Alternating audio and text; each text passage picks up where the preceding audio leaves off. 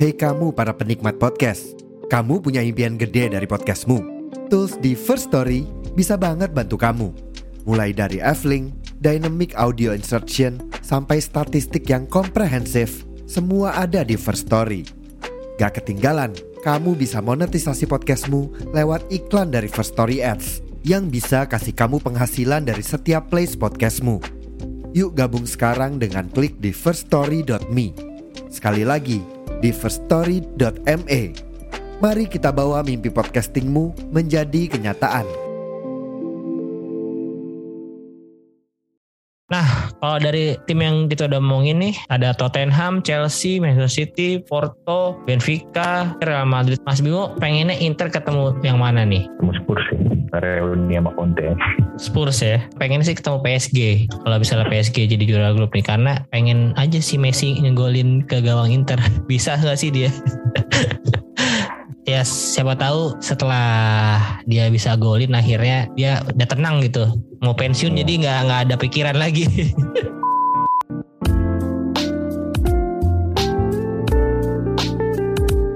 Halo, selamat pagi, siang, sore, dan malam. Kembali lagi di Interest Podcast, podcast yang bahas berita-berita seputar Inter yang dikutip dari sosial media dan portal-portal berita olahraga apa kabar teman-teman semua? Semoga dalam kondisi yang baik-baik aja ya. Walaupun semalam Inter harus mengalami kekalahan lagi dari Bayern Munchen dengan skor 0-2. Ya kekalahan yang sangat wajar sih bagi kita ya. Jadi udah terbiasa lah. Maksudnya nggak nggak kecewa-kecewa banget, nggak nurunin mood uh, hari ini karena kita udah nggak ya, berharap apa-apa ya. Dari hasilnya pun ya. udah nggak mempengaruhi klasemen di UCL, cuma memperbutkan nominal kalau nggak salah sekitar 3,8 apa 2,8 juta euro gitu. Dan seperti Inter yang kemarin berhadapan berhadapan kedua kalinya dengan Bayern Munchen. Kali ini gue juga berhadapan kedua kalinya nih sama Mas Bimo di musim ini nih. Mas Bimo dari Rotuin. Halo Mas Bimo. Halo, apa kabar Mas? Apa kabar semuanya? Ya, apa kabar Mas Bimo nih? Oh, sorry ya, di malam-malam mendadak nih. Gue tahu-tahu tadi uh, nge-reply IG-nya Mas Bimo. Eh, kepikiran nih kita bahas tentang UCL hari ini. Uh, kebetulan kita ngeteknya di tanggal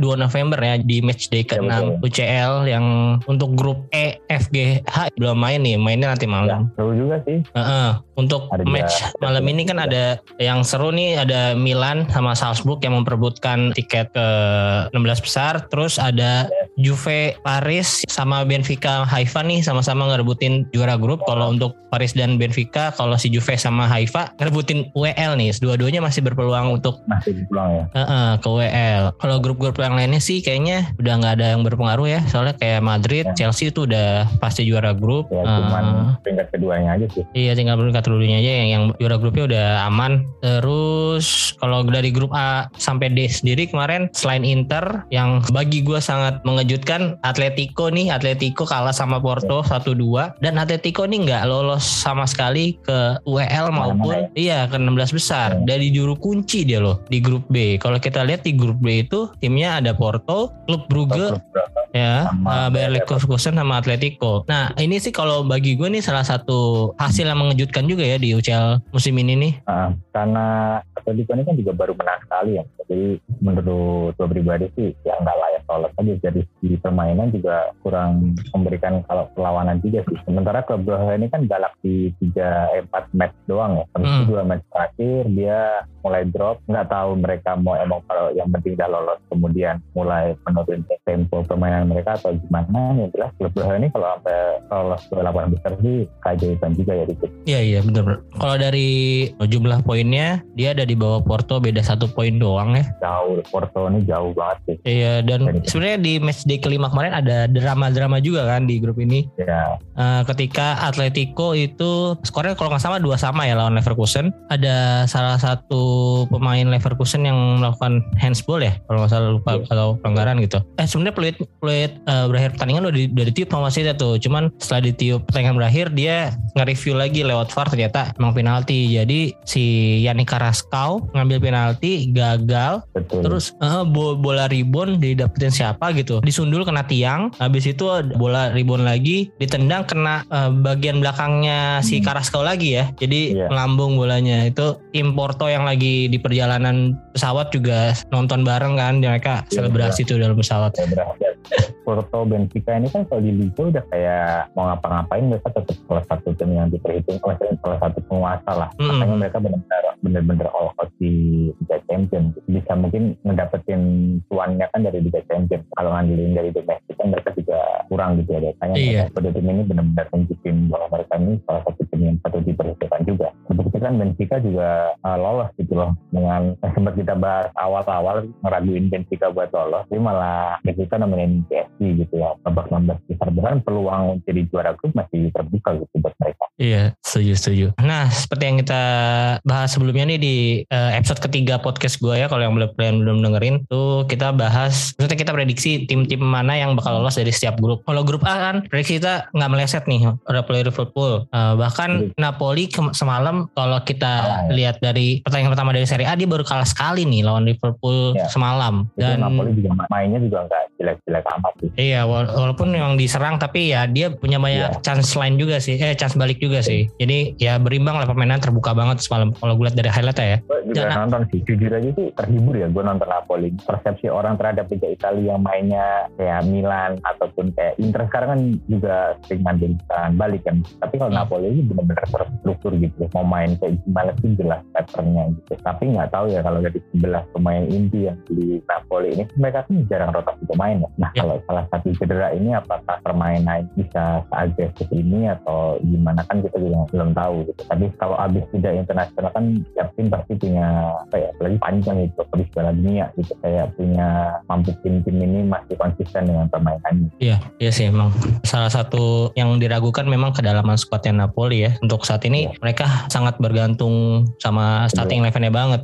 Dan Iya. ini mungkin fakta atau statistik yang sangat bagus bagi Napoli di di grup stage ini Napoli itu kecuali lawan semalam ya, kecuali semalam lawan Liverpool, mereka selalu cetak gol di minimal 3 gitu. Di 20 pertandingan pertama lawan Liverpool itu 4-1, kedua lawan lawan Rangers 0-3, lawan Ajax 1-6 di kandang Ajax itu luar biasa. Terus kemudian lawan Ajax di kandang Napoli 4-2, kemarin lawan Rangers 3-0 lagi dan kemarin akhirnya tanpa gol melawan Liverpool. Jadi ya Inter bisa berbangga sedikit lah karena sampai sekarang Napoli pun yang sangat mainnya sangat dikdaya dan sangat luar biasa musim ini belum bisa eh, memetik satu gol pun dari kandang Liverpool nih nggak seperti Inter musim kemarin.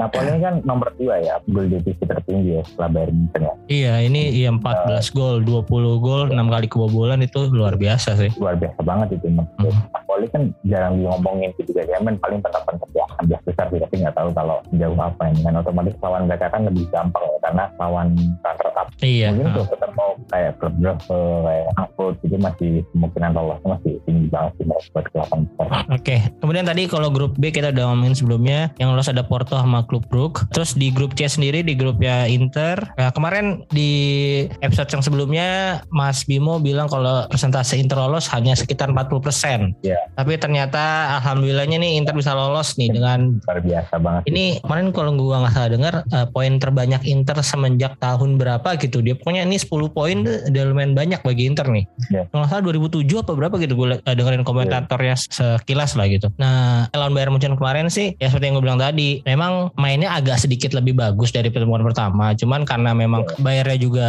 pakai pemain rotasi Internya juga pakai pemain rotasi ya kayak nggak Tadi tebak juga sih. Mm-mm. Gaglia tuh sebenarnya bagus ya kemarin. Tuh maksudnya bagus dalam artian bisa memainkan serang yang biasa dimainkan sama Pasanoglu gitu atau si dia lebih ke ini ya kemarin ya lebih ke Mkhitaryan ya agak dorong ke depan Iya ya. posisinya ya gelandang kiri lah. Kiri duet sama Gosens lah kalau di kiri sering ini sering kerja sama hmm. yang dia bisa meranin peran yang biasanya pemain ini diterapkan bisa baik ya Eh, ketenangan sih sebenarnya dari Gaglia ini yang perlu di- dibenahi ya sering panik eh, bukan bingung gitu ketika dapat bola itu mau dikemana itu dia berpas dia ngoper ke samping gitu. nggak berani buat dorong ke depan Mhm. dan sebenarnya Arboni di masih di menit ke 75 agak sayang ya kenapa nggak dia di pas dari awal gitu Itu buat lumayan juga kan dengan kita lihat Bayern Munchen pemain mudanya banyak banget tuh yang dimainin sama sama lawan Inter Iya kemarin dia mainin Warner terus strikernya Matis Tel Iya. Eh, Ya, pemain ada Anisic juga dari Kroasia itu kan pemain muda gitu kan. iya terus si Yang Mas Roy juga muda ya Mas siapa yang bek kanan itu juga muda ya kayaknya ya? dari dari, Ajax sih. Mm-mm. Yang yang kan jarang dimainin juga kan eh, pasti kasih kesempatan gitu buat main. Ya, Inter tuh perlu kayak gini gitu kayak main-main muda. Ini kan banyak yang ada di bangku cadangan gitu ya. Alessandro Rosa gitu kan Hmm. itu sebenarnya perlu dikasih tempat gitu dia mesti Suratolo agak sayang juga sih udah nggak udah nggak ngikutin apa-apa selain uang gitu kan Iya, iya, iya. dan demi, ngejaga kebugaran juga gitu harusnya pemain-pemain muda yang belum dapatkan jam terbang di Liga bisa dirasain juga Iya. Kalau kita lihat dari rekornya Bayer nih eh, dengan kemenangan kemarin berarti Bayer ini melanjutkan streak nggak kalahnya di laga kandang UCL ya. Sejauh ini udah 34 pertandingan mereka nggak kalah, menang 31, seri tiga kali. Gila sih ini rekornya. ya luar biasa banget ya karena perfect win ya dari Bayern Munchen ini cukup jarang bisa diikuti tim lain gitu Hmm, enam pertandingan, enam kali menang semua. Musim kemarin juga. Jadi ini udah musim Iya. kedua kali berturut-turut mereka invincible di grup lah di, di grup eh, stage UCL. Oke, ke grup D nih. Salah satu grup yang seru juga seperti prediksi kita di awal ya. Ada Tottenham, Frankfurt, Sporting, sama Marcel. Ya. Ya, sampai pertandingan kemarin pun seperti yang di instastorynya Road to Win ya. Ya. Di pertandingan kemarin tuh sangat menentukan. Semuanya masih bisa juara grup, semuanya masih bisa eh, jadi juru kunci gitu kan. Iya dan Jadi- akhirnya Tottenham di sini bersama Frankfurt lolos ke 16 besar. Itu pun semalam kalau kalau gue sih belum belum nonton highlightnya juga. Cuman kalau dari Mas Bimo gimana? Uh, belum nonton highlightnya juga sih tapi lihat-lihat berita sih emang drama banget katanya tandingan itu Iya dua-duanya tuh tim away yang menang Tottenham sama Frankfurt. ya Tottenham Tottenham menang satu dua kan lawan Arsenal dia Heeh. dan ini kan sejarah baru juga buat Frankfurt kalau dia mereka baru lolos ke babak apa namanya 16 besar dan golnya Frankfurt itu dari babak kedua semua sih bertambik juga saya Frankfurt itu ketinggalan satu kosong dulu ini dari babak kedua Oh berarti sebenarnya sih emang gue nih awalnya prediksinya waktu itu kalau nggak salah Tottenham sama Lisbon apa Oke. Frankfurt ya. Pokoknya ya itulah Tottenham lah Iya. tetap eh, yang ini gue yang gue jagoin di grup ini. Tapi sebenarnya berharap si Sporting ini lolos nih, lolos jadi juara grup terus ketemu Inter di 16 besar karena kemarin si Sporting juga kabarnya udah ini ya nuntut uh, Joe Mario Heeh, nuntut 30 juta tuh dalam kasus yang kemarin tuh. Gue kira udah selesai ternyata masih dilanjutin aja. dulu disuruh, disuruh nebus nggak mau dia Iya, disuruh nembus berapa juta doang nggak mau. Maunya yang gratisan, gran gratisan ya terserah pemainnya mau ke mana kan. Mau ke Benfica atau ke Sporting kan kita udah nggak. dia naik lagi ya mungkin Mm-mm. karena contoh ini ya mau piala dunia gitu nggak Ya. mau dia harus nyari nyari apa nyari tempat buat dia main gitu. Sebenarnya Joe Mario ini tergantung dari tema permainan ya. karena dia ini bukan gelandang modern kayak sekarang gitu yang bisa dipasang macam Barella yang mau box to box. Jadi kan masih kayak nomor 10 murni gitu ya. Dan Benfica kan benar-benar manfaatin dia jadi kayak gitu gitu Hmm, hmm, hmm, benar-benar.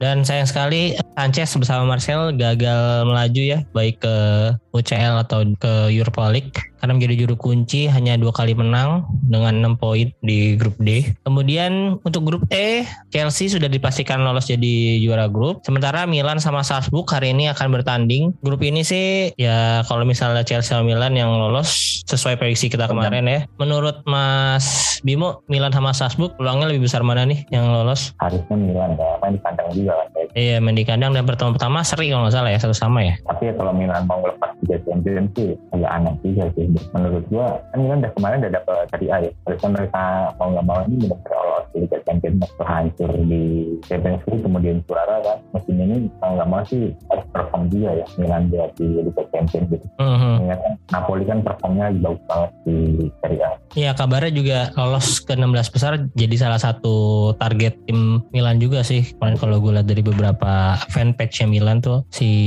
Tonali dan Violi tuh pengen banget lolos dari UCL musim ini. Oke Harus. terus eh, ke grup F, grup F juga Real Madrid udah dipastikan lolos. Eh tapi kalau misalnya dia ini tuh berarti belum tentu jadi juara grup ya karena kan nanti malam dia masih main tuh Real Madrid lawan Celtic, Leipzig lawan Shakhtar. ya Ah. ntar kalau misal Celtic menang sama Madrid sih Celtic menang sama Shakhtar peringkat duanya nggak bisa Madrid gitu. Iya iya iya. Leipzig masih bisa ini ternyata bisa juara grup. Hmm, hmm. Poinnya beda, cuma beda satu. peluang buat menang tipis banget kan merasa peluang buat menang si Celtic sama Madrid kan atau Mhm. kalau Madrid pemain pelapis kan masih bisa tuh Tapi sih kayaknya nggak mungkin ya Madrid mau ngelepas peringkat pertama karena pasti akan lebih Ketemu- berat juga bagi mereka Iya untuk. ketemu Heeh. City kelar juga kan pasti Jadi untuk ini masih Madrid yang menurut Hmm. Mas Bimo berpeluang jadi masih juara grup. masih peluangnya masih gede banget karena Celtic belum pernah melaga kebobolan 10 gol benar-benar kayak tim Skotlandia lagi bau banget ini Rangers juga hancur juga gitu. Padahal musim kemarin kan dia final lawan Frankfurt ya di Europa League. Iya iya jauh banget ya. Sama kayak Pleasant ya, mereka kebobolannya paling banyak Iya. eh dua-dua ya Pleasant berapa ya? Iya. Pleasant 24 nih 24. ya cuma beda dua doang. Tapi Pleasant golinnya juga Tapi, masih agak lebih banyak. Ya, Mm-mm. gol defisitnya menang Pleasant. Pleasant Iya. minus 19, Rangers minus 20. Beda satu doang gitu. Tetap aja sama-sama mainnya kayak kaget gitu. Ketemu tim-tim gede. Mereka benar-benar nggak bisa ngapa-ngapain. Atau lagi di press. Waktu lawan di Liverpool juga udah nggak bisa ngapa-ngapain. Kebobolan dua aja udah kayak bingung gitu. Mereka kayak bertahan gitu. Nggak mau inisiatif buat serang. Mhm. Oke, next ke grup G. Nah, kalau ini udah pasti juara grup nih City walaupun poinnya hanya beda 2 poin sama Dortmund, cuman menang head to head. Karena Iya. kemarin waktu di kandang Dortmund seri, di kandang City eh, menang 2-1. Jadi s- kalau poinnya sama pasti tetap City yang juara grup. Kalau ini lagi-lagi Sevilla dari peringkat 3 nih. udah Emang pinter banget. Europa League ya mereka tuh. Iya udah dipastikan untuk ini juga karena menang head to head juga walaupun poinnya masih bisa kekejar nih sama Copenhagen kalau Copenhagen menang Sevilla kalah. Dan secara head to head dan defisit gol unggul Sevilla. Kemudian untuk grup H nih yang nanti malam juga masih akan menentukan juara grup sama yang lolos ke UEL. Nanti PSG akan menghadapi Juventus di kandangnya Juventus ya di Allianz Stadium. Sedangkan eh, Benfica akan bertandang ke Israel. Kalau dari dua pertandingan ini kira-kira menurut Mas Bimo siapa yang akan menjadi juara grup? Ini kemungkinan besar Benfica ya. Iya, gue juga ya. Karena si Juve nih ya walaupun udah mainnya udah tanpa beban dan pastinya ingin Ya, mempertahankan tetap ke WL sih. ya gengsi sih lebih ke gengsi supaya gak malu dikalah di kandang Iya, kayaknya sih nggak nggak menang juga, tapi seenggaknya seri sih bisa nih Juventus nahan imbang Paris Saint Germain. Sedangkan Benfica, gue rasa pasti sangat ngincer menang banget, apalagi Iya. lawannya cuma Haifa ya dalam tanda kutip. Jadi kemungkinan besar ini Benfica ya sama sih gue juga rasa kayaknya bisa Benfica nih justru yang jadi juara grup. Karena saat ini poinnya Iya. sama-sama 11, cuman PSG akan menghadapi Juventus main tandang, sedangkan Benfica lawannya dalam tanda kutip hanya Haifa nih, Maccabi Haifa. ya mending ketemu Benfica sih daripada PSG Inter Hmm. Nah, eh, sekarang kita bahas calon-calon lawan Inter. Kalau dari grup A kan udah pasti Napoli nggak bisa lawan Inter. gak bisa ketemu karena satu negara gitu Ya, Regional. kedua grup B Porto ma- masih bisa. betul Eh, terus grup D ada Tottenham, grup E ada Chelsea, grup F F antara Real Madrid ya. sama Leipzig. Iya, Eh, eh, grup G ini Manchester City, grup H antara Benfica sama Paris nih. Berarti Iya. ada 8 kandidat ya.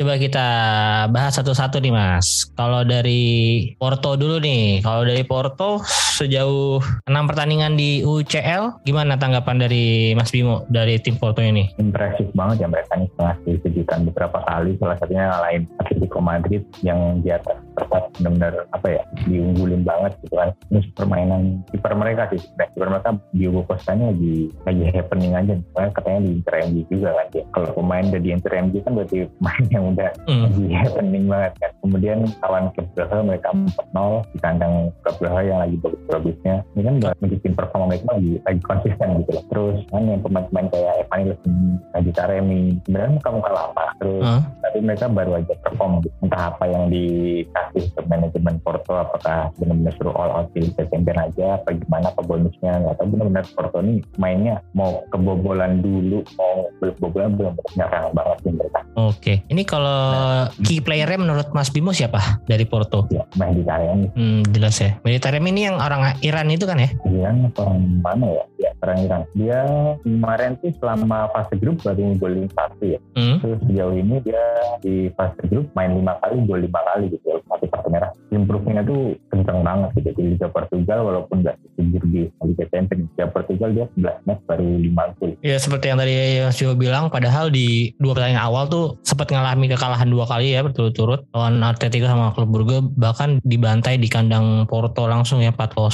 Cuman empat pertandingan terakhirnya nih justru menang dulu nih lawan Atletico Madrid terus lawan Leverkusen dua kali. lawan Coburnya 4-0 Iya dibales.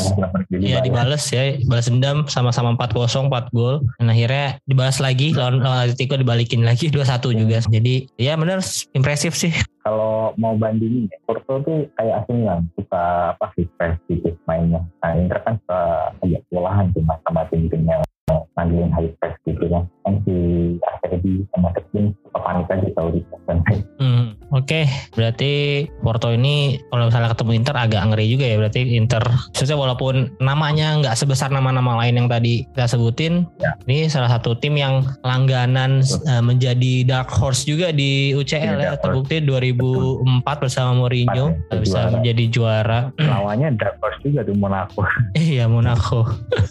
Oke next ke grup D ada Tottenham Hotspur yang kemarin ada interview juga dari Stellini ya. Stellini eh, asistennya Antonio Conte di Tottenham sekarang dulu di Inter. Dia juga berharapnya ketemu Inter ya karena ya menurut dia pertarungannya bisa seru dan chance Tottenham untuk lolos lebih besar nih. Kalau menurut Stellini sih gitu. Yes. Kalau Tottenham musim ini di UCL gimana Mas? ya betul sih ya kayak masih mereka tuh masih bingung membagi konsentrasi mereka ya dengan Hmm. yang ada mereka mau all out di Liga Inggris tapi justru agak tersiap-siap juga walaupun masih di papan atas ya tapi belum menunjukkan permainan impresif ketika melawan tim-tim gitu loh Oke. salah dua kali Iya, dia rekornya tiga kali menang, dua kali seri, satu kali kalah. ya maksudnya dengan grup ya bukan ngeremehin ya grup dengan harusnya mereka bisa satu bersih ya paling nggak kalah lah jadi masih mending ketemu Spurs sih daripada Porto sebenarnya Iya, setuju sih. Mhm. Kalau di Tottenham, Conte main 3-4-3 ya.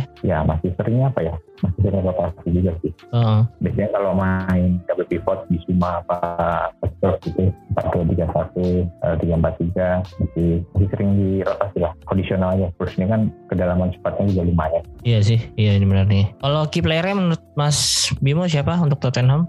Harry sih sama Bentakur sekarang mungkin lebih ke condong ke Benta- Bentakur ya Hmm, pemainnya Bentak- bisa ngasih impact instant impact ya di strateginya Conte itu dia kalau Son gimana Son? soalnya masih inkonsisten ya sejauh ini masih belum eh, seperti Son yang biasa kita kenal gitu Iya ya, nggak seperti Son yang ya menurut gue sih yang peaknya itu di 2018-2019 ketika Tottenham jadi runner up ya itu menurut gue peaknya nah, si Son sih di situ sih. gitu ya kan. Heeh. Hmm, sekarang masih masih kurang apa ya, belum nemu sentuhan terbaiknya lah.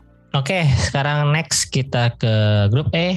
Grup E juara grupnya juga udah dipastikan itu Chelsea tadi ya. Chelsea juga di awal-awal match day 1 match day 2 dia Hmm. satu kali kalah, satu kali seri, eh, sempat jadi posisi buncit bahkan. Kemudian ketika menghadapi Milan, dia langsung ini nih berubah nih. Ketika ganti pelatih ya kalau nggak salah ya, ganti pelatih Graham Potter, hasilnya langsung Kalau- positif. Potter. Mm-mm, lawan Milan langsung menang 3-0 terus di kandang Milan menang. lagi 0-2 terakhir kemarin lawan Salzburg 1-2 Habis itu dibantai Brighton iya dibantai mantan timnya Potter ya. Dan dia pelatihnya si De Zerbi juga tuh pelatih Itali nah kalau Chelsea gimana nih mas ini kalau di awal-awal kan masih kurang terus eh, akhirnya bisa bangkit tapi di Liga juga masih inkonsisten nih kalau. Chelsea gimana kalau menurut Mas Bimo Chelsea ini kan masih kayak Graham Potter kayak belum apa ya formula terbaik buat Chelsea gitu ya. Sama ada Koulibaly masih cedera ini kayak betul jadi PR banget ya. Mesti beberapa kali kebobolan kan. Mereka kan udah tim prinsip kayaknya lawan, lawan Milan deh dia.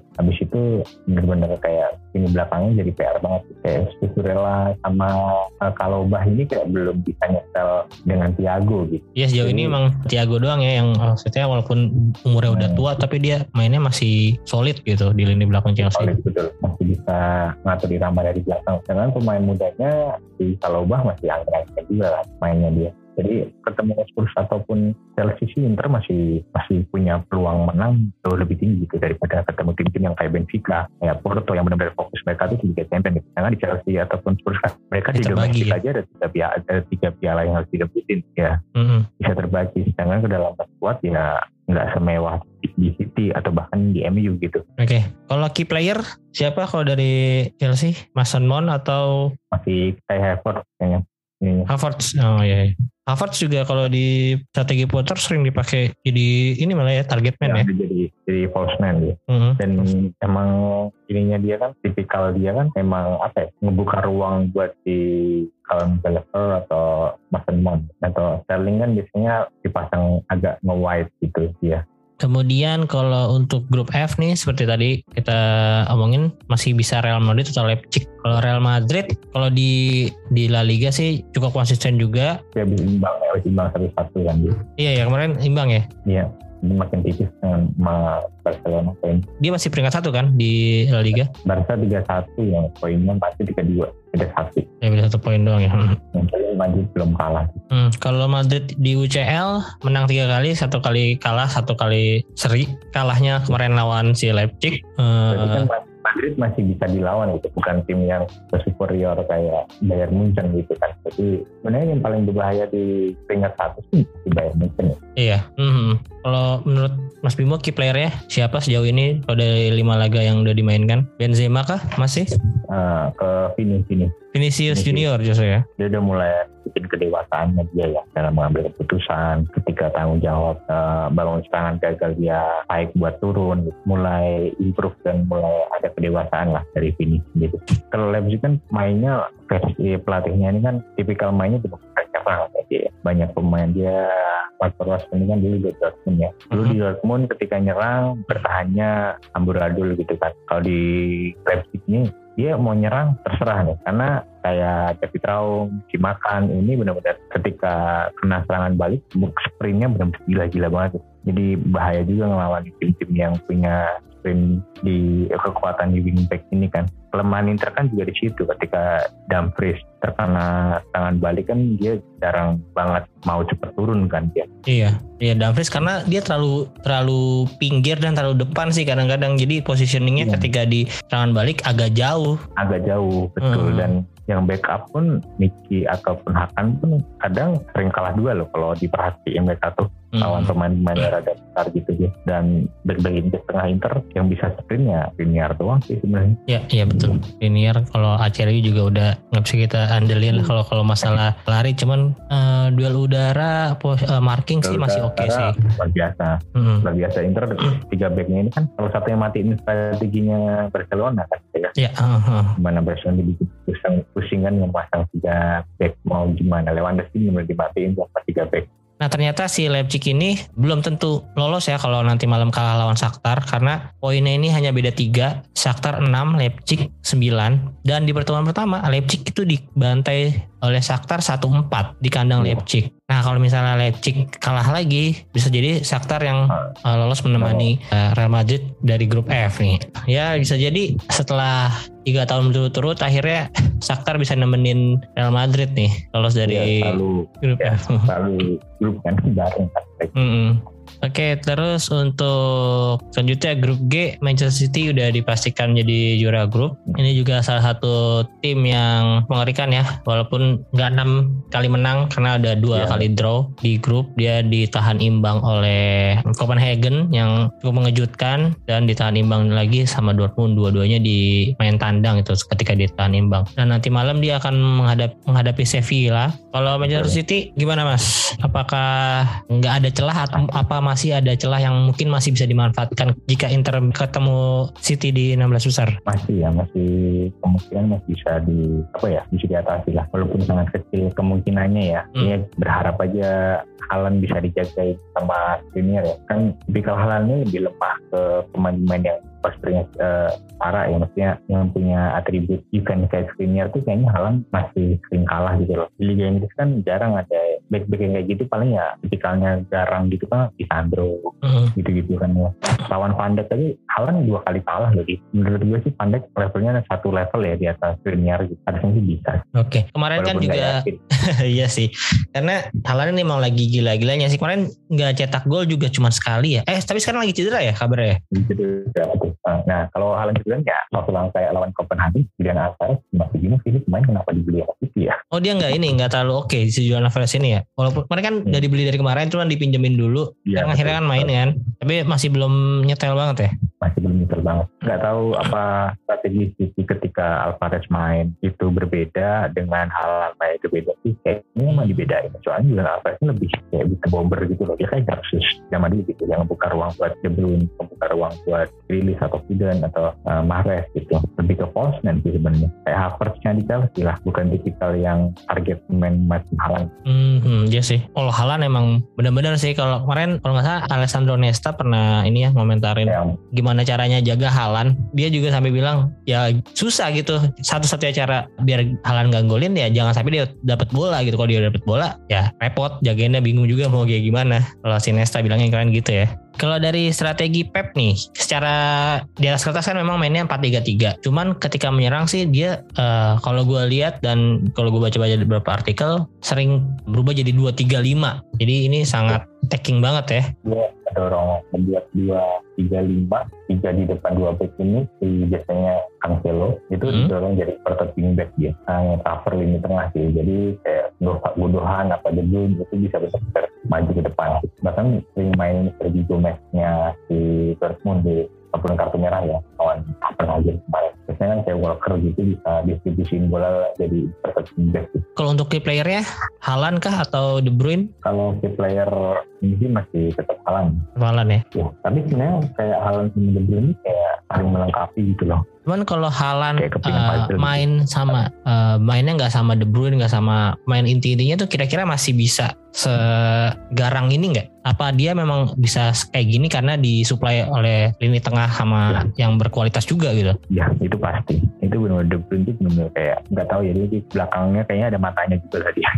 iya iya. Sebenarnya kayak fishingnya tuh bagus banget Apalagi dukung gelandang bertahan kayak Rodri gitu. Dan penyeimbangnya kayak Gundogan dia udah lengkap banget sih menurut gue City itu. Iya setuju setuju. Tim-tim Italia itu belum bisa gitu nerapin apa yang tim-tim Liga Inggris terapin macam back kanan itu jadi gelandang bertahan, distribusi bola gitu dari tengah. Mm -mm, sih. Masih ya gue nggak tahu apakah emang dari skill pemain atau emang penerapan strategi pelatihnya ya kalau kayak gitu. Ya lebih ke strategi pelatihnya sih. Terbukti Dumfries itu di Belanda sering hmm. lakuin hal yang dilakuin back-back modern di Liga Inggris loh ya mm-hmm, iya passingnya sebenarnya bagus juga tapi nggak tahu kenapa di Inter dia disuruh lari lari lari. Mm-hmm. ya berarti pelatih Italia ini harus segera ngelakuin evolusi sih. belum ketinggalan gitu. Udah ketinggalan sih sebenarnya kalau Belanova justru kan kemarin main 90 menit full ya mengganti posisi Dumfries. Dia di babak pertama duel sama Stanisic itu tadi yang main muda. Babak kedua dia duelnya sama Alfonso Davis nih. Dan kalau gue lihat memang si Belanova masih raw banget ya masih mentah banget. Mentah Cuman kalau yang uh, patut gue apresiasi sih mentalnya tuh lawan main sekelas Davis yang menurut gue udah world class gitu dia world class, ya. uh, masih berani berani duel berani adu lari bahkan. Davis ini kan larinya salah satu yang paling kenceng kenceng ya di uh, Davis, betul, betul. Bape, Hakimi itu kalau nggak salah yang speednya 99 yeah. di FIFA di eFootball tuh dia kenceng banget lah pokoknya. Ini ya dia beberapa kali menang gitu. Cuman eksekusi hmm. crossingnya yang masih sangat kurang ya. Kadang-kadang nggak yeah. nyampe, ke blok. Nah itu.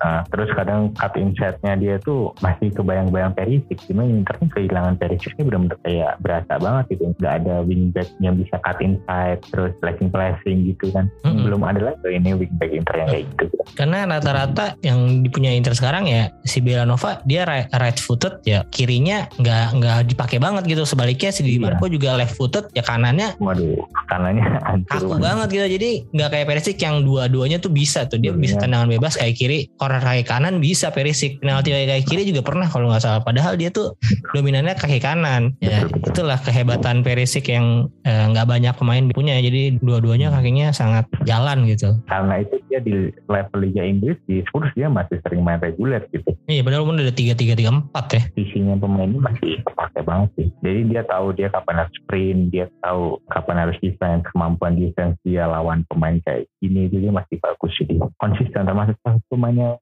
konsisten sih di Spurs di situ. Iya iya. Oke okay, next grup terakhir ada grup H untuk calon lawan Inter nih masih bisa Paris Saint Germain atau Benfica. Kalau dari prediksi kita sih tadi mungkin Benfica ya yang ya. bisa jadi juara grup karena Paris lawannya agak lebih berat itu Juventus main di kandang juga Juventusnya. Tapi kalau Paris dulu nih Paris sejauh ini di UCL gimana Mas? Iya karena lawannya di bawah mereka semua kelasnya ya. Menurut gue sih harusnya mereka bisa kayak mungkin ya sapu bersih semua ya. Jadi lebih masih uh, keganggu juga lah sama Benfica. Juve ada perlawanan lah. Harusnya sih ada ya ntar malam gitu. Iya sih. Tapi lawan Maccabi Haifa pesta gol 7-2. Iya. Tapi kebobolan dua dari Haifa iya. di kandang itu kan juga salah satu indikator kalau pertahanan Paris Saint Germain juga nggak bagus-bagus ya, banget ya. Betul, betul, Harusnya Juve juga masa sekelas uh, Haifa aja bisa cetak gol ke PSG tapi masa si ini nggak bisa milik sama Vlahovic. Vlahovic kasih jeda nggak sih Vlahovic? Udah udah bisa kan udah bisa main kan kalau nggak salah dia? Kayaknya sih masih nggak bisa tapi mekanik kan dia dia sama apa pemain muda yang kemarin nyata kasih Hmm. Samuel Nilang apa siapa gitu. Iya itu lupa juga namanya. Gue taunya Fagioli, Miretti doang. Yang satu lagi baru-baru dengar juga tuh kemarin Ya. pas dia cetak gol. Kita kasih sih ya. Eh cetak. Eh, Kalau si Chiesa sama Pogba kira-kira udah bisa main belum ya? Ini belum belum bisa main Belum ya? belum kalau Cesa kayaknya rumornya lawan Inter Baru baru Inter mainnya ya di akhir Iya, pekan nanti berarti ya? masih dari bangku cadangan gitu. Iya sih kayaknya. Karena eh, Di Maria juga udah balik. Di Maria sejauh ini juga oke ya sama Juve. Oke banget. Tapi Kemarin aja eh, ketika Di Maria cedera, Juve-nya justru yang kelimpungan gitu. Kehilangan Di Maria tuh. Kalau PSG sendiri key player-nya siapa Mas? Mbappe kah atau Messi menurut Mas Bimo? lebih ke masih ke Messi gini. Messi ya. Ya, agak bingung juga sih. Messi, Neymar, Mbappe ini lagi lagi bagus shotnya gitu daripada Iya. musim kemarin. Mm-mm. Tapi kalau di lini tengah nih kan kemarin dia kehilangan beberapa ya kayak Paredes, terus sekarang kan tinggal biasanya yang dia mainnya si Verratti sama lu pemain muda ya satu lagi siapa tuh yang Fitinya, ya Fitinya, Fitinya. Iya, Vitinya itu yang dari Porto ya. Uh, mainnya berarti Fitinya sama pemain dari Valencia, Carlos Soler. Hmm. Tapi kan masih ada gelandang keren Napoli, Fabian Ruiz. Oh iya, Fabian Ruiz ya, ada- ya, ya, ya. itu. Iya. Tapi kemarin kayaknya jarang masih jarang main ya. Apa udah sekarang? Dia Karena kan sempat cedera juga di awal-awal musim kalau nggak salah. Dia kan sebagai pemain yang kayak Brozovic ya. Mm-mm. nggak bisa dia main cepat gitu pasti ngebilai bola dulu nah kan PSG kan ini juga monsternya ini kan di bola-bola cepat gitu jadi Mm. agak, agak kurang dipakai jadi pakainya si Vitinya apa Soler yang bisa cepat gitu dia nggak terlalu banyak atur tempo atur tempo sekali strikernya di terapi sih saya Iya sih masih jantung permainannya masih di Verratti ya berarti ya. Kalau dari di tengahnya PSG ini. Kalau next kita ke Benfica, Benfica juga poinnya 11 poin. Dia bahkan menang 4-3 lawan Juve, terus nahan imbang PSG tadi seperti gue bilang, menang lawan Maccabi Haifa 2-0. Ini dia belum kalah juga ya berarti di UCL nih. Tinggal satu pertandingan doang nih melawan Maccabi Haifa yang bisa jadi kunci Benfica untuk menjadi juara grup H ini. Menurut Mas Bimo, pemain kuncinya Benfica siapa nih? Apakah si Joao Mario atau Rafa Silva nih yang lagi oke juga musim ini? nah, gue sih ke nomor 8 ya siapa namanya Pak itu Nomor 8, aduh gue juga nggak Aurus Henes ini siapa ya Henes Oh iya ini susah bacanya ya namanya. ya. Iya. Dia posisinya apa mas? dia bisa makin kayak kalau di Inter dia lebih kayak Barella gitu aja. Tapi kalau kita ditaruh di posisi dalam bertahan bisa juga Box to box juga atau lebih mirip Barella sih. ini Barella ya berarti box to box juga ya? Dia kan juga golden generation-nya Bergegia. Nah kayaknya Benfica ini nggak nggak ada matinya ya kalau bikin pemain-pemain striker yang bagus gitu kan. Ada lagi si Hmm. Gonzalo Ramos gitu kan. Iya itu. Kan ada Darwin Nunez gitu kan. Nah, Hmm. ininya sendiri kan di Liverpool juga kita tahu inkonsisten ya walaupun kemarin nyetak gol gitu lawan Napoli. Ya. Terus ini muncul lagi nih Gonzalo Ramos baru 21 tahun terus di Liga udah ngegolin 7 dari 10 kali main itu bagus banget ya. Dengan pemain berarti ada prospek itu dari Benfica nggak nggak ada matinya gitu buat membentuk seorang pemain yang bagus dan punya nilai jual tinggi gitu. Dan Mhm. dia kan dari dari ini loh dia dari dari Benfica enggak Oh iya jadi tim mudanya berarti ya? ya Oke, kalau dari pencapaian terbaiknya sih sebenarnya Benfica ini sempat juara ya tahun 60-an tapi 60-61 nih sebelum Inter juara dua kali berturut-turut Benfica dulu. Eh Inter kan kalau salah 63 64 ya, apa 64 65 gitu. Jadi ada jaraknya nggak jauh nih dulu dia waktu menang ada UCL. eh, legendanya kan waktu itu Eusebio. Salah. Iya iya Eusebio. Nah penariknya nih si Benfica ini dilatih sama pelatih Jerman nih, bukan pelatih Portugal. Namanya Roger Iya. Smith ya kan. Nah dia juga kalau misalnya dari artikel yang gue baca dari UEFA juga si Roger Smith ini menerapkan gegenpressnya Jerman banget nih. Tapi dengan gayanya Portugal. Nah itu gimana mas? Pernah lihat highlightnya atau cara mainnya nggak? lawan? Juve gitu. itu seru keren banget yang mereka mainnya lawan Juve itu kayak bener-bener ninggalin satu back di tengah loh dia Oh iya? Bener, iya bener kayak ketika lini belakang yang backup tuh jadi satu pemain back tengahnya tuh lupa nama Otamendi apa satu lagi? Yang Silva itu? Otamendi Otamendi ya? Otamendi yang ya, Oh yang maju Otamendi, justru dia? ya justru yang maju ya Mhm. kayak maju bener-bener high, high pressingnya tuh bagus banget gitu nah kan yang lagi bagus lagi mereka kan ada Alex Grimaldo juga tuh Iya, Alex Grimaldo. itu kan kalau orang main PES atau orang main football manager kan pasti sering pakai dia karena prospeknya bagus banget. ya. Nah kebetulan dia lagi tahun ini lagi oke banget sih. Dan kan Iya. kipernya kan kipernya ini kan dia tipikal manual neuer ya. berani buat maju di kiper-kiper gitu, kiper modern Heeh.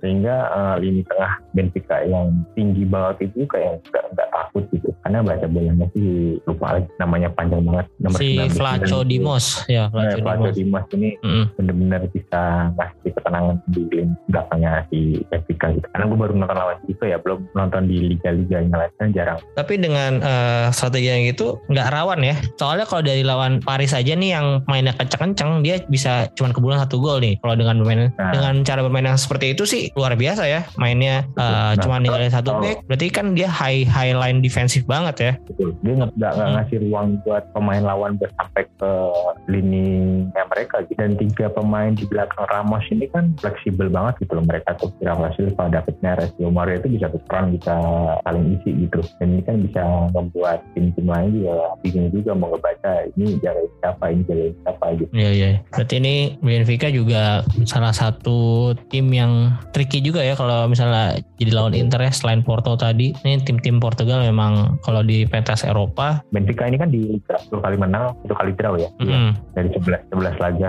masih nomor satu itu kan ngebuktiin bahwa mereka ini udah hegemoni mereka tuh gede banget susah dijatuhin buat tim-tim lain sekaliber Porto ataupun Sporting gitu kan Sporting bahkan peringkat 6 nomor 2 Braha nomor 3 Porto gitu kan jarak mereka 6 poin gitu baru 11 laga gitu kan cukup jauh lah kualitasnya musim ini Benfica Iya, iya, setuju setuju. Ngeri juga sih kalau lihat dari rekornya di Liga sama yang di UCL dan bisa nahan dua kali PSG dengan satu gol itu menurut gue sih cukup impresif ya Benfica Ya, ini. Nggak, walaupun Ya, dia nyerangnya oke tapi nggak lupa secara defense juga berarti. Betul, kan gue sempat bilang di awal tadi kan uh, tim-tim kayak Benfica, Porto, PSG ini kan di Liga udah kayak udah lah ini Liga punya gue gitu kan. Mm-mm. Jadi gue benar-benar mau all out di Liga Champion gitu. Jadinya kayak apa ya, mereka benar-benar ngungkapin apa pun itu demi lolos dan demi tampil impresif juga sih di Liga Champion. Ya, setuju, setuju. Nah, kalau dari delapan tim yang kita udah omongin nih, ada Tottenham, Chelsea, Manchester City, Porto, Benfica, PSG, Real Madrid sama Leipzig. Mas Bimo pengennya Inter ketemu yang mana nih? Temu Spurs sih, reuni sama Conte.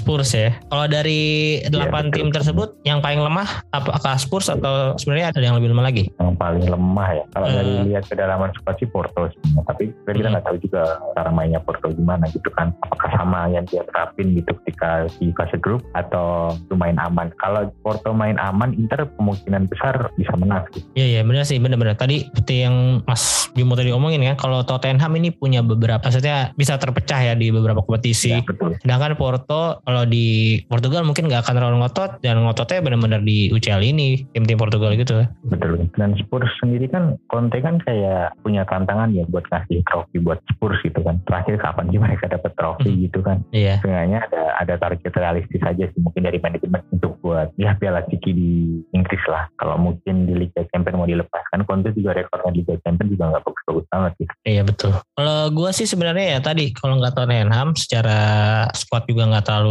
nggak sedalam tim-tim yang lainnya, tim-tim Inggris yang lainnya lah ya. Dan juga selain Tottenham pengen sih ketemu PSG. Kalau misalnya PSG jadi juara grup nih karena pengen aja si Messi ngegolin ke gawang Inter. Bisa nggak sih dia? karena kan dia ya siapa tahu setelah dia bisa golin akhirnya dia udah tenang gitu mau pensiun Iya. jadi nggak nggak ada pikiran lagi. Habis golin ke gawang Inter musim depan ada Inter Miami dia. iya langsung. Udahlah nggak usah main di Eropa lagi. Udah tercapai tujuan gue golin ke gawang Inter walaupun bukan Julius Caesar oke kalau dari permainan Inter sejauh ini di UCL dan lawan-lawannya juga kalau menurut Mas Bimo Inter nih bisa sampai mana nih musim ini? Lapan besar sih harusnya. lawan besar ya berarti misalnya besok ketemu Tottenham kayaknya menang. Terus lolos ke lawan besar ya Iya, selain uang ya menambah kepercayaan diri setiap pemain aja sih bahwa level mereka tuh masih bersaing di Eropa gitu kan. Otomatis di Liga juga ngangkat mental mereka gitu. Ini kan di Liga kan mulai keangkat juga sih mentalnya mereka. Iya iya, karena menurut gue sih oke sih ya step by step ya dari musim pertama ketika sama Conte, eh maksudnya sama tim yang sebelumnya ini sebelum musim kemarin sama Conte nggak lolos grup tapi bisa jadi juara, kemudian eh, sama Inzaghi akhirnya lolos grup 16 besar walaupun nggak bisa melanjut lagi sama Liverpool dan harusnya sih musim ini ag- agak naik ya naik satu tingkat lah ya ke 8 besar setuju Ya. setuju. Eh, lebih menyukai sebuah proses ada progres ya Ya, daripada yang penting itu progres benar-benar. Ya, drawingnya kan ini tanggal 7 ya, kalau salah 7 November. Iya tanggal 7 November Kalau nggak salah setelah lawan Juve apa sebelum ya justru ya Kan lawan Inter lawan Juve juga tanggal Oh, 7 kayaknya November setelah- Sebelum kalau nggak salah. Iya Ah, Di Indonesia kadang-kadang jam 7 gitu kan Kalau Inter kan mainnya lawan Juve jam 3 nih Jam 2.45 Sama kan masih ada bursa transfer musim dingin ya. Nah, sektor kiri sih Inter ini perlu tambahan pemain. Iya ya Gosen sama Ya sebenarnya Di Marco oke lah ya Cuman menurut gue Di Marco oke Dengan catatan Inter jadi tim yang menguasai pertandingan Kalau Inter yang diserang terus sih Ya agak khawatir juga ya Kalau eh, Di Marco yang jadi left wing back Nggak tahu siapa yang didatengin. Mm, Tapi kabarnya juga Gosens kemungkinan ya ya udah pasti 50-50 juga ya. kan Kayaknya Januari mungkin akan dilepas karena ada si Leverkusen yang cukup tertarik. Lebih cocok buat dia sih sebenarnya. Iya. Mungkin culture-nya sepak bola Jerman lebih cocok. Mm, mm, mm. Kalaupun nanti ini kan berarti eh, drawingnya tanggal 7 November, tapi kalau nggak salah mainnya itu Februari ya. Baru itu jadi masih Februari ada ya. evaluasi harusnya ada sih. Iya Salah masih ya, panjang. Ya, minjemin Joaquin Correa kemudian narik Satriano sih masih possible. Ya ya, bisa jadi opsi sih harusnya itu juga ya. Joaquin Kemudian Correa, kan ada Piala Dunia juga ya siapa tahu ada beberapa pemain yang bersinar lah bersinar di Piala Dunia. Betul. ya bisa lah kalau memang underrated semoga aja bisa lah digoda-goda. Biasanya ya bakal kalah duit juga sih kalau memang bener-bener pemain yang uh, bersinar banget kayak waktu 2012 contohnya. Eh 2010 Ozil. Waktu itu kan sempet diincer banget tuh ya kalah duit sama Real Madrid ya kalau ngincer ngincer ngincer pemain kayak Dumfries lah nggak apa-apa lah tuh. Dumfries lebih possible ngincer pemain dari Belanda lagi sih Liga Liga Belanda itu lebih murah daripada Liga Iya. Jerman itu Hmm, Liga hmm. Jerman udah kalau kayak bermarket ya ini Alpha Express ya mahal-mahal banget nih Liga Jerman tuh iya iya benar-benar nah, Liga Belanda itu kayak koperasi gitu masih ah, manusiawi lah harganya Ya ini harusnya kan ya nggak tahu sih kemarin eh, kabarnya juga mulai Januari sponsor kan yang di si Digital Beat sudah dicopot tuh. Ya. Terus katanya udah dapat beberapa lagi salah satunya si eBay kemarin tapi nggak tahu eBay itu mau sponsorin gede atau enggak. Ya masih semoga timbang siur, siur Uh-uh. banget sih beritanya. Iya semoga ya. Tapi ya kita harapkan adalah dan kucuran-kucuran dana. Lagi pula ini kan lolos UCL harusnya du- duitnya cukup besar juga kan. Ya bisa lah dipakai eh 50 persennya untuk transfer tim. Ya nah, mungkin nambal sisi kiri sih. Di Marco Iya, tuh sisi kiri. aduh, nggak layak main di Inter sebenarnya dia ya. Iya mungkin masih banyak fans yang menganggap dia bagus sih. Tapi untuk gue pribadi dia ganti Perisic jauh banget kelasnya. Iya, jelas jelas kalau dibandingkan Perisic jauh sih. Cuman ya yang terbaik ada di Inter saat ini mungkin ya betul di Marco. Hmm, daripada Hosen kita Mm-mm. tahu juga kayak masih apa ya kurang terbiasa aja kayaknya dia main sistemnya Inzaghi yang harus bisa main agak minggir biasa crossing gitu kan Hosen kan sebenarnya tipikalnya dia kan dari hard inside gitu dia sebenarnya tapi jarang dilakuin juga sih Iya itu justru. lawan lawan Barcelona tuh dia mulai loh kelihatan sedikit gitu Mm-mm, itu pun ketika formasinya udah diganti ke 451 atau berapa gitu. Pokoknya yang Hmm. striker tinggal satu baru tuh dia mulai agak Kayaknya dia nggak cocok sama skema tiga back ya Iya, iya, iya, iya. Oke, terakhir nih mungkin sedikit aja nih, sedikit. Karena sekarang kan tanggal 2, besok tanggal 7 Inter akan bertanding lawan Juve seperti yang kita bilang tadi hari Senin jam 2.45. Inter akan berhadapan dengan Juve di kandang Juve di Allianz Stadium. Kabarnya juga beberapa pemain Juve yang kemarin cedera udah bisa kembali walaupun nggak dari starting line up ya seperti Chiesa. Terus gue nggak tahu Pogba juga udah bisa belum sih Pogba? Pogba November. November ya masih ya mungkinan dia juga akan melewatkan Piala Dunia kabarnya. Mati ada Siglio November juga Baltic November. Ini itu kartu merah loh. Eh enggak udah udah. Satu doang satu pertandingan doang. Keren udah udah udah bisa Ah. Paredes, Di Maria, Chiesa kemungkinan tanggal 7 main, tapi nggak tahu ya dari bangku cadangan. Di Maria masih belum cuman kayaknya kalau dari ini kalau dari Gazeta nih gue baca dari Gazeta probable line up-nya si Vlahovic mungkin udah bisa main mereka akan main 4-4-2 strikernya pakai Vlahovic sama Milik belakangnya Cuadrado jadi kapten kembali jadi kapten terus backnya nih menarik. Gatti main muda juga Gatti. sama Danilo. Berarti berarti sering dipanggil timnas Italia loh. Iya, iya. Sekarang udah, udah cukup sering ya si Gatti ini. Terus ya berarti ini Danilo juga bukan posisi naturalnya dia sebagai center back dia. betul. Musim ini bertransformasi jadi CB nih. Karena si ini juga masih belum bisa main nih nggak ada di ya ada sih. Bonucci ada tapi di, di cadangan justru. Bonucci Bonucci Merugani udah kemudian kirinya Alexandro terus ke depan ke tengah ada Miretti di kanan Locatelli sama Rabiot di tengah kirinya ada Philip Kostic. Kalau untuk Inter sendiri kipernya Steponana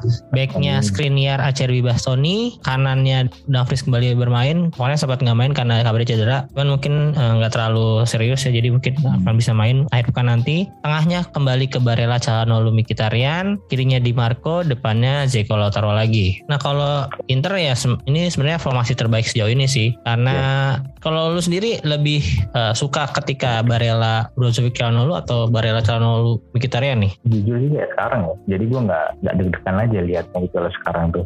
Aliran bolanya itu cepet banget itu. Kan Mkhitaryan gue sering banget tuh dia. Jarang banget tahan bola. Mm-mm. Dia pasti passing gerak, passing gerak. Kalau gue kan sering banget tahan dulu, lihat screening kanan kiri, baru dia. Jadi kan sebenarnya Dumfries ini kan pemain tipikal pemain momen. Jadi ketika ada serangan, gimana caranya dia nggak kelamaan dia Iya. harus nyari posisi gitu. Mm-mm. Makanya kalau Mkhitaryan terus Akan ini kan mungkin dia udah tahu kapasitas mereka bahwa jangan terlalu megang bola terlalu lama gitu. Makanya selalu cepat passing gitu-gitu dia lebih enak sekarang sih menurut Iya gue pribadi. ya kalau dari kapasitas tiga pemain ini tiga tiganya cukup kreatif tiga tiganya bisa ngasih long ball yang oke. Kalau Barella beberapa, beberapa kali, Calhanoglu Barella juga. keren, keren banget Barella. Iya, Mkhitaryan juga gua rasa punya kapasitas itu ya karena di Roma, di MU, di Dortmund sering banget ngelakuin bola-bola kayak gitu juga. Dan dia yang bagus sih positioning ketika serangan balik gitu. Mkhitaryan sih bagus banget ya. Tahu Oh iya. gimana. Dia Mm-mm. kan lawan ada dua momen yang keren sih ketika harusnya Aslani passing ke dia sama golnya ke Fiorentina kan Mm-mm. posisi dia sama gitu di, di yang jauh gitu posisi yang mungkin ketika orang back dari Fiorentina ataupun Barcelona lagi fokus ke pemain yang akan memberikan umpan dia nyoba untuk nyari momentum di yang jauhnya gitu. Iya iya. dan ditambah Bastoni dia sekarang kan mainnya kayak ball playing defender ya, Uh, Ya. ngasih distribusi bola dari belakang tuh udah mulai bagus loh dia tuh Iya, balik kayak ke zaman Conte ya. Waktu zaman Conte sempat Ya. bagus, terus di awal-awal Inzaghi hilang gitu. Sekarang Ya. udah kelihatan balik lagi nih. Kemarin Sekarang waktu lawan Fiorentina sama lawan Sampdoria udah kelihatan. awal-awal Inzaghi emang kayaknya Inzaghi ini maksa banget main buat jadi bola-bola bawah ya kalau gue Hmm. lihat ya. jadi Yes. kayak pemain adaptasi lagi gitu dan mungkin Inzaghi tahu Mkhitaryan ini kuat di bola-bola bawah umpan-umpan pendek gitu jadi dia mungkin ambil Mkhitaryan buat sebenarnya buat backup tapi menurut gue ini masih oke lah dia buat semusim Ya umurnya 34 juga ya kayak Perisic kalau nggak salah. Oke terakhir berarti prediksinya gimana mas? Lawan Juventus di kandang Juve eh menang bisa menang nggak Inter? Bisa. harusnya menang sih Juve lagi carut-marut tuh ini Iya iya. Walaupun kemarin tiga pertandingan udah mulai menang menang terus di Juve ya.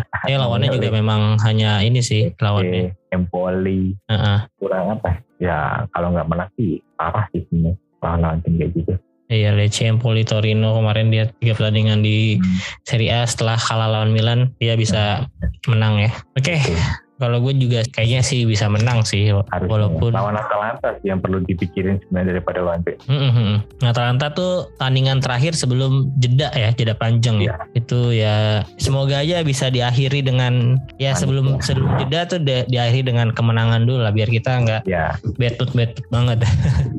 kayaknya bisa masuk empat besar lah. Empat besar yang di Serie A dulu Iya nih sekarang kan udah posisi 6 nih. Udinese udah udah tergelincir Ya, nih, udah habis bensinnya kayaknya. Nah, percaya diri sempat iseng nonton aja sih kemarin kayaknya buru-buru banget gitu nyerang mereka Iya, empat pertandingan terakhir nggak menang sama sekali, satu tiga kali seri, satu kali kalah. Terus Lazio juga kemarin kalah mengejutkan sih kalau menurut gua kalau Salernitana. Kalau Milan sih memang Ya, setannya oke lah. Karena sekarang juga posisi 10 lumayan kan. 4 kali Iya. menang, 4 kali seri, 4 kali kalah. Di tanah tuh kalau di Liga Inggris kayak Everton zaman dulu sih banyak pemain-pemain kel- kelas 2 bekasan gitu loh yang main di situ kan. Karena ada Hmm. Andreva, ada strikernya siapa kita sana ya Piatek, Bonazoli. oh Piate iya Mm-mm. Bonzoli pemain-pemain yang dulu sempat di tim-tim bagus gitu Iya.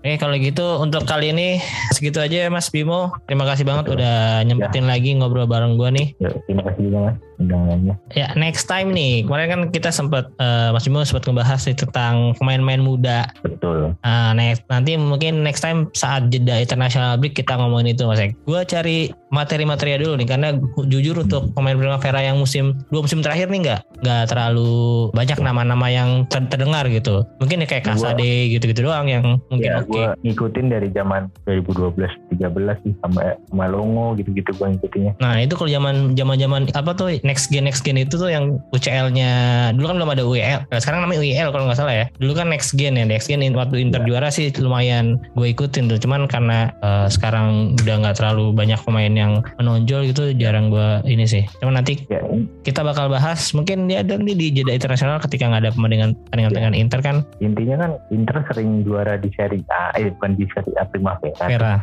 Ya tapi kenapa nggak ada yang diorbitin gitu sampai sekarang gitu kan Iya iya. anehnya di situ aja ntar dibahas lebih dalam lah Siap siap. Lalu juga main ini ya soalnya main Football Manager tuh pemainnya real nggak sih yang Primaveranya? Eh, real real ya. Primaveranya real ya Oke, masalahnya aja lu kenal banyak lah, cukup cukup banyak tentang main-main udah Inter Primavera. Hmm. Oke, teman-teman jangan lupa juga di follow akun YouTube sama Instagramnya Rotuin. Sekarang Instagramnya udah udah ngalahin followers gua nih, udah seribu berapa mas sekarang nih? Gue cek dulu, seribu delapan nih. Iya. Ya ini konten-kontennya gue juga suka. Dia kalau nggak di story ada di feed tuh yang membahas beberapa momen-momen di sepak bola. Kadang-kadang juga ada throwback momen gitu ya, kayak iconic Iya. momen Arsenal lawan Liverpool. Terus kemarin ada konten on this day gitu ya mas ya. ya kayaknya kalau bahas pertandingan prediksi itu kayak kurang aja sih pengen Hmm. bahas yang beda aja konik-konik momen aja gitu Itu yang Hmm. bikin gue suka juga eh, sama kontennya Road to Win. Ntar lagi juga ada Piala Dunia pasti bakal ada konten-konten yang menarik Iya. juga. Salah satunya kemarin udah ada nih di feednya Road to Win ada tentang grup A. Mungkin besok akan grup B dan selanjutnya ya Iya. mas ya. sampai ya betul Siap siap. Kita tunggu konten-kontennya dari Road to Win. Oke terima kasih untuk teman-teman yang mendengarkan juga. Jangan lupa follow akun sosial media gue juga. Kalau di Instagram ada Interisme Podcast, di Twitter ada Interisme Media. Eh, jangan lupa untuk subscribe Spotify atau Noise-nya atau sekarang ada di Pogo FM. Kalian boleh dengerin di mana aja. Terus nyalain loncengnya biar ada notifikasi tiap episode baru. Sekali lagi terima kasih Adi Fidersi Forza Inter.